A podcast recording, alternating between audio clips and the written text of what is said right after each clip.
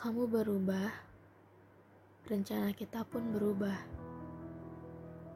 Kadang kita nggak pernah tahu kepada siapa hati ini akan dijatuhkan dan kepada siapa hati ini akan dipatahkan. Aku benar-benar tidak apa-apa semisal kamu harus pergi, karena mungkin sudah seharusnya. Aku tidak bisa memaksakan seseorang yang tidak ingin ada aku lagi di perjalanan hidupnya. Mungkin hadirku selama ini hanya sebagai bumbu pelengkap di kehidupanmu. Kelak, ketika kamu ingin pergi, aku tidak akan melarangmu. Karena bagiku, merelakan seseorang adalah salah satu bentuk mencintai yang paling dalam. Walaupun mungkin aku akan menangis bila suatu saat kamu telah bertemu seseorang yang lain seseorang yang sudah semestinya berada di sampingmu. Namun tidak apa-apa. Terima kasih karena pernah datang di waktu yang tepat. Di waktu yang tepat saat aku benar-benar butuh pelukan. Dan terima kasih karena sudah pernah menjadikan aku sebagai tokoh utamanya.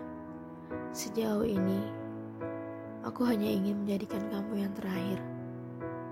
Kamu dengan semua kenanganmu, semuanya masih ada di sini, dan itu selamanya.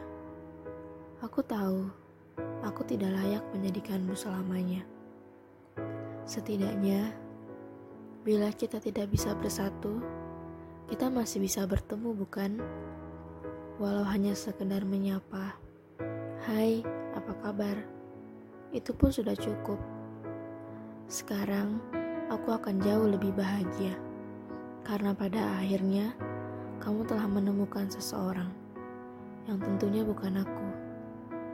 Senang bisa menjadikanmu sebagai tempat untuk berkeluh kesah. Senang ketika diberi jalan keluar terbaik dari setiap masalah yang aku hadapi. Setelah ini, kita harus lebih kuat ya. Terutama aku, meski tanpa kabar darimu meski tanpa senyum hangat darimu, meski tanpa ceramah darimu, dan meski tanpa ocehan darimu, aku harus tetap berjalan pelan-pelan. Senang pernah bisa menatapmu, senang pernah menjadikanmu yang pertama.